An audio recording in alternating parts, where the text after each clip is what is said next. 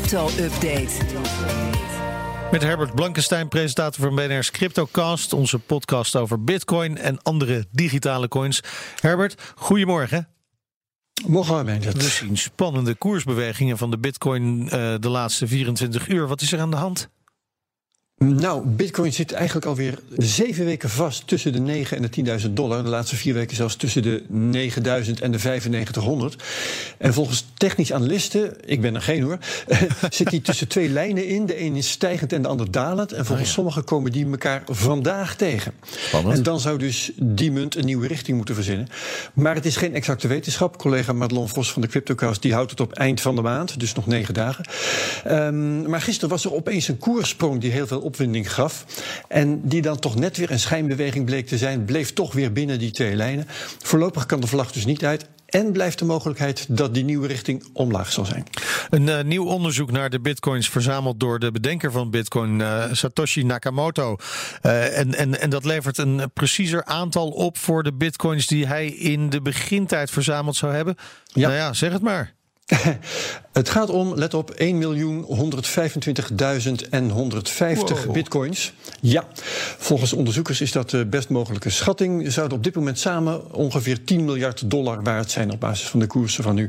Het onderzoek is gedaan door Whale Alert. Dat is een organisatie die de tegoeden en de transacties in de gaten houdt van de zogeheten whales, grote cryptobezitters.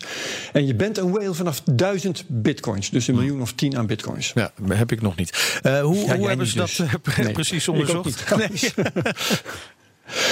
Um, via het proces van mining hebben ze dat gedaan. Het delven, hè, daar schrijven computers in het Bitcoin-netwerk transacties weg in de blockchain. Um, daarbij worden ook extra getallen toegevoegd waaraan je met, met wat moeite de miner kunt herkennen ja. die een bepaald blok heeft gemaakt. En die miner krijgt daar dan bitcoins voor. Dat was in de eerste vier jaar 50 bitcoins. Inmiddels is dat gezakt na drie halveringen tot zes en een kwart bitcoin per blok. Maar zo is Satoshi dus aan al zijn bitcoins gekomen. En in de eerste dagen, weken, maanden was hij de enige en later een van de weinigen die zat te minen. En zo kun je dus zijn spoor goed volgen om precies te zijn tot mei 2010. Ja, maar wa waarom deed hij dat allemaal, dat minen? Deed hij dat ook echt voor het geld? Nee, nee, nee, juist niet. Die 1,1 miljoen bitcoins die zijn nooit aangeraakt. Oh. Op 907 stuks na. En die heeft hij uitgegeven in de tijd dat ze ongeveer een cent waard waren.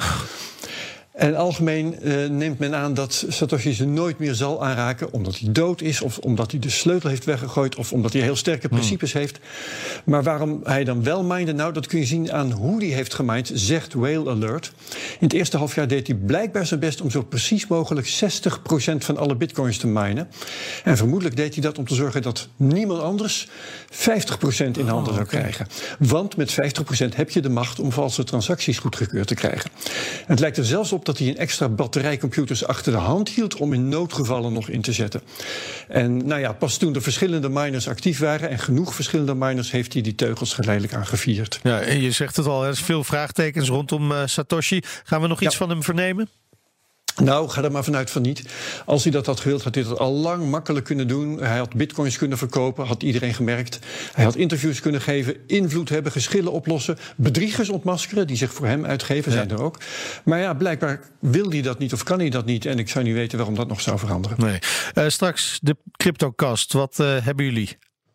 Uh, de eigenwijze financieel journalist Arno Wellens, dus wel bespraakt, neemt geen blad voor de mond.